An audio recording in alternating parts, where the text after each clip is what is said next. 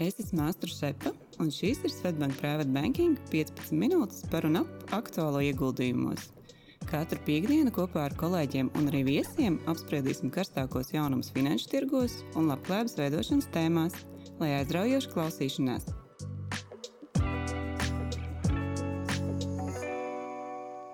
Sveiciens Private Banking klientiem!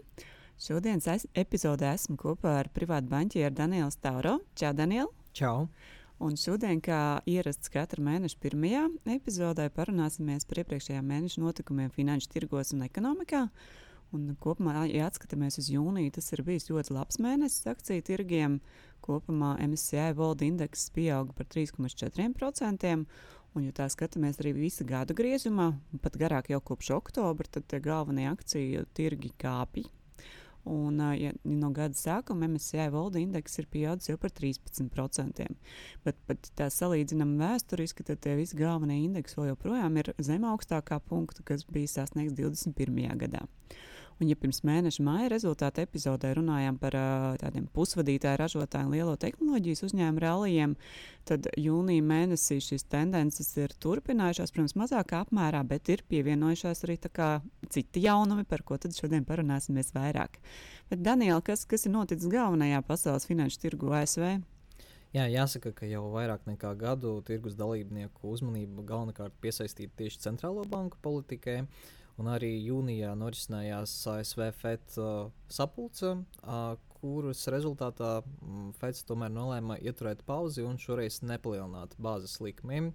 Uh, tomēr uh, Džerams Pauls atzina, ka cīņa ar inflāciju vēl nav beigusies un līdz uh, gada beigām palikus, pa, palikušas vēl četras sapulces, un prognozē, ka vēl divreiz varētu būt likme palielināta. Uh, Uh, savukārt, jā, kāpēc nepalielina likmi? Tāpēc, ka uh, pozitīvie uh, makrodati ir iznākuši par māju, jo maijā inflācija ir samazinājusies līdz 4%, aprīlī tā vēl bijusi 4,9%, un maija rādītājs ir zemākais kopš 21. gada marta.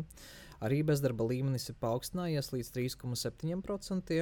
Iepriekš tas bija 3,4%, kas ir pozitīvi inflācijas uh, pārvarēšanai. Kas kopumā droši vien nav pozitīva ziņa makroekonomikai, bet laba ziņa priekšlikmēm un inflācijas. Nu jā, un arī jāsaka, ka ražošanas piemāja rādītājs ir arī samazinājies, kas nozīmē, ka ražošanas tempi ASV ir samazinājušies. Un, uh, Pasaules banka arī atjaunoja jūnijā savas prognozes, un šobrīd solā ASV uh, IKP pieaugumu gada beigās 1,1% apmērā. Ja skatāmies arī uz uh, ASV finanšu tirgu galvenajiem indeksiem, tad SP 500 jūnija mēnesī ir uh, pieaudzis par 4%, kopš gada sākuma jau 14%.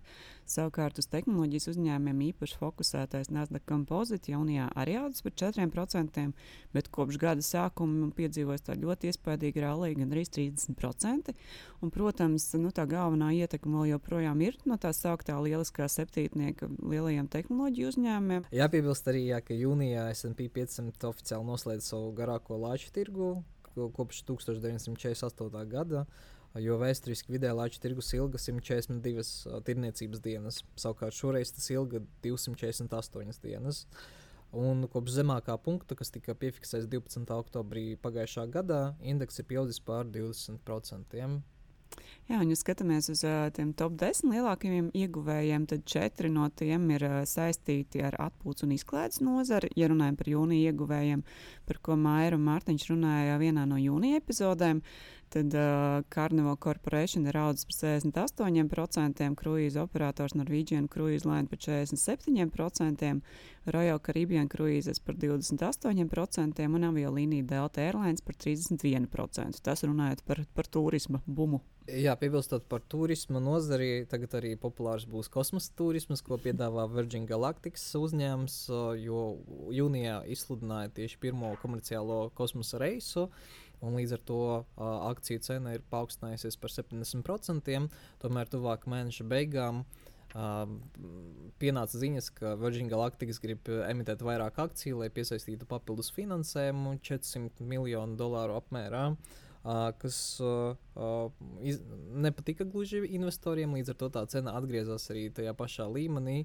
Bet nākamais lidojums būs jau augustā, un atkal varēsim sekot, vai cena atkal kāps tikpat strauji. Nu jā, redzēsim, kā attīstīsies šis turisma novirziens. Un, ja runājam vēl par galvenajiem jūnija ieguvējiem, tad viens no tiem ir arī Tesla, kas pēdējā mēneša laikā uz, uz 3. Jūliju ir pieaugusi par 28% no gada sākuma par veseliem 127%. Un, ja runā par to pēdējo kāpumu iemesliem, tad tam ir vairāki uh, iemesli. Uh, viens ir tas, ka Masks uh, māja mēnesī tikās ar Indijas premjerministru Modiju Ņujorkā. ASV, kur pauda apņemšanos attīstīt Teslas biznesu Indijā, cik vien tas ātri būtu iespējams, uz ko pozitīvi noreaģēja akciju tirgi. Tad 3. jūlijā iznāca arī jau otrā ceturkšņa pārdošanas dati, kas, kas bija ļoti labi un iedeva papildus grūdienu Teslas akciju vērtībai. Un vēl viens tāds svarīgs pēdējā mēneša notikums bija Teslas paziņojums, ka tā atvērs savu uzlādes infrastruktūru arī citiem spēlētājiem, tā skaitā Fordam un General Motors. Un, attiecīgi, arī uz šo akciju tirgu no, noreaģēja pozitīvi. Un interesanti arī, ka jūnija lielāko ieguvēju vidū ir arī Fords, jūnijā pieaugot par 26% jāņem vērā, jā, ka tā Teslas kopumā šī gada kāpums ir arī pēc gana liela krituma pagājušajā gadā, kad tas nokrita par 65%, un akcija šobrīd maksā 280 dolārus, tad augstākajā vēsturiskajā punktā tā maksā 408 dolārus. Jā, vēl uh, turpinot par korporatīvām ASV ziņām, gribētos izcelt Apple uzņēmumu, kas uh, jūnijā sasniedz jaunu rekordu, jo Apple akciju kopējā vērtība sastādīja 3 triljonus dolāru. Un uh, Apple ir vienīgais uzņēmums, kas sasniedz šo uh, rezultātu. Uh, un savukārt akciju cena, vienas akcijas cena pārsniedza 190 dolāru robežu. Uh, tas notika tādēļ, ka jūnijā tika prezentēts uh, uh, inovatīvs produkts, kas ir Apple Vision Pro, jaunās uh, brilles, kas nodrošina virtuālo realitāti. Uh, kaut arī lietotājiem tas būs pieejams tikai nākamgad, tomēr testētāji uh, sniedza pozitīvās atsauksmes, līdz ar to tas ļāva arī Apple sasniegt šos rādītājus. Jā, par šo mēs arī runājām mēnesi atpakaļ iepriekšējā rezultātu epizodē, ka šis bija viens no galvenajiem jūnija finanšu tirgus notikumiem, kam vajadzēja droši vien atstāt iespēju uz Apple novērtējumu, un izskatās, ka tas arī noticis.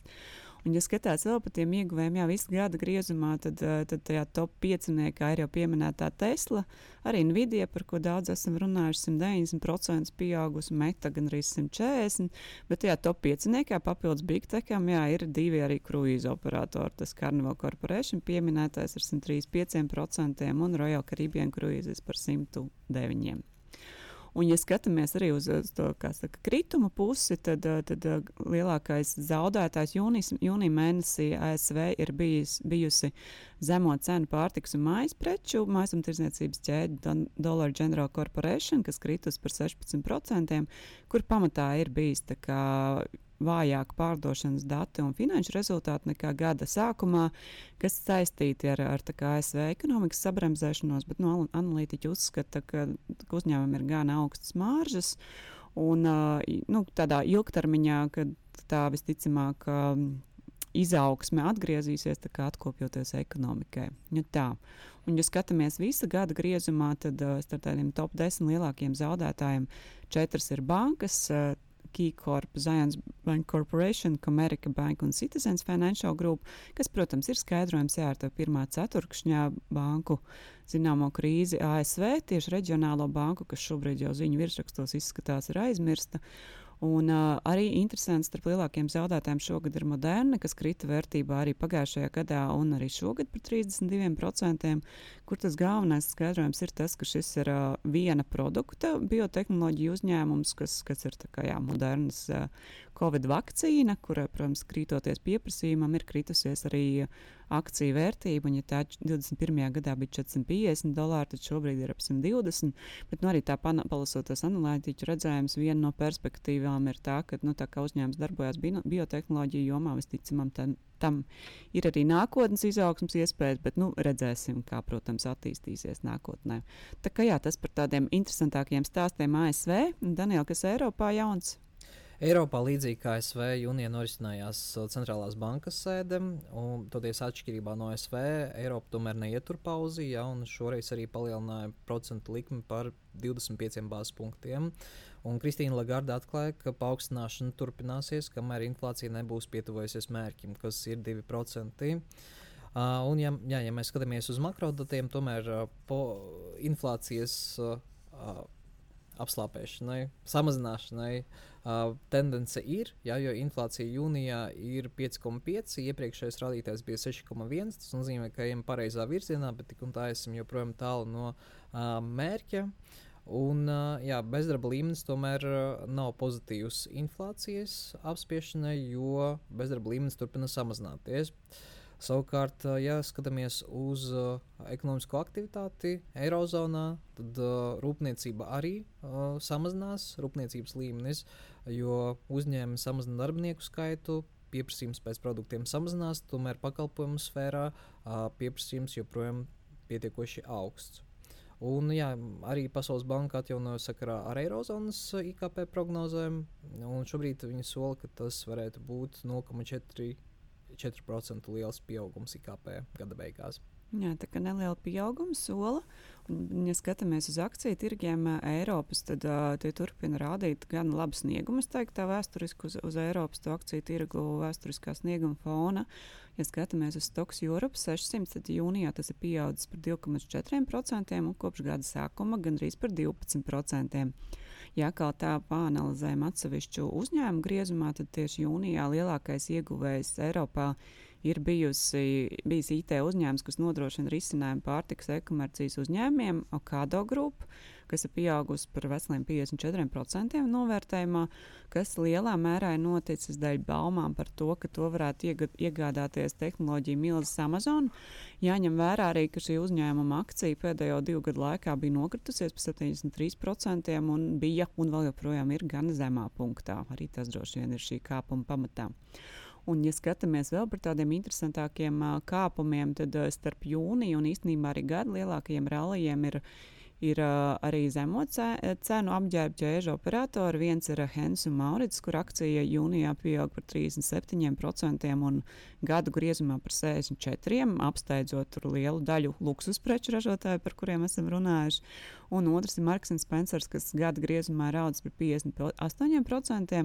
Tā šo akciju pieauguma vērtībā ir vairāk iemeslu. Viens no tiem ir, kā tur analītiķi analizē, ir pieprasījums pēc lētāka apģērba tādā tā kā pirktspējas varbūt samazināšanās kontekstā, gan inflācijas eh, dēļ, gan, gan arī tā, ka, nu, tādas ekonomiskās sabremzēšanās. Otrs arī tas, ka abos uzņēmumos ir relatīvi jaunas vadības um, ieviestas, kuras veic arī darbības optimizāciju, to veikalu ķēžu optimizāciju un uzlabošanu mēģina uzņēmums modernizēt, arī iztirgot Hens un Maurits gadījumā to vēsturiski ļoti lielo nelikvīdo noliktavu.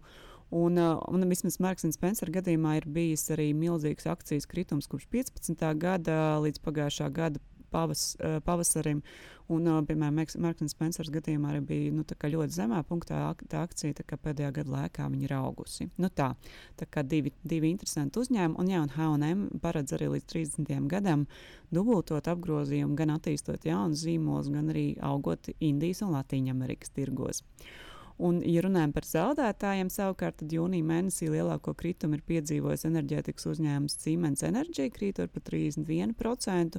Pēc paziņojuma, ka tās vēja turbīnas biznesa daļā ir kvalitātes problēmas, kas uzņēmumam varētu izmaksāt ap miljardu eiro. Un vēl tāds interesants uh, kritums bija droši vien uh, visu pamanīt. Krievijas eh, Prigožina dumpju rezultātā krita Eiropas militāro ražotāju akcijas, eh, tā skaitā Itālijas Leonardo, Zviedrijas Sāba un Vācijas Rheinmetall. Uh, uz tā fona, uzskatot, ka šis varētu nozīmēt, ka karš būs īsāks nekā sākotnēji domāts, un patiesībā akcijas vēl arī šobrīd nav atkopušās iepriekšējā līmenī.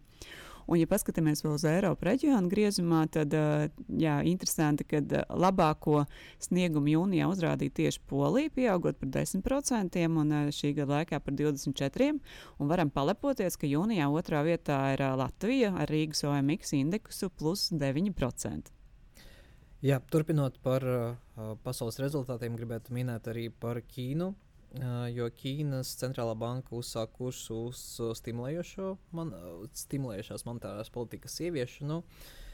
Jo jūnijā Ķīnas centrālā banka pazemināja aizdomu bāzes likmi uz 10 bāzes punktiem, kas notika pirmo reizi kopš pagājušā gada augusta. Uh, protams, šobrīd liekas, ka tas ir pietiekoši vājš stimuls, jo, ja atceramies gada sākumu, prognozēja, ka Ķīnai atkal būs izaugsme pēc visu Covid ierobežojumu atcelšanu. Tomēr Ķīnas ekonomika joprojām nesteidzas augt, kā tas bija iepriekšējos gados, jo joprojām nekustamā īpašumā tirgus ir ļoti vājš. Kopš gada sākuma ieguldījumi nekustamā īpašumā ir samazinājušies par 7%, un arī bezdarba līmenis starp jauniešiem ir pieaudzis līdz pat 20%.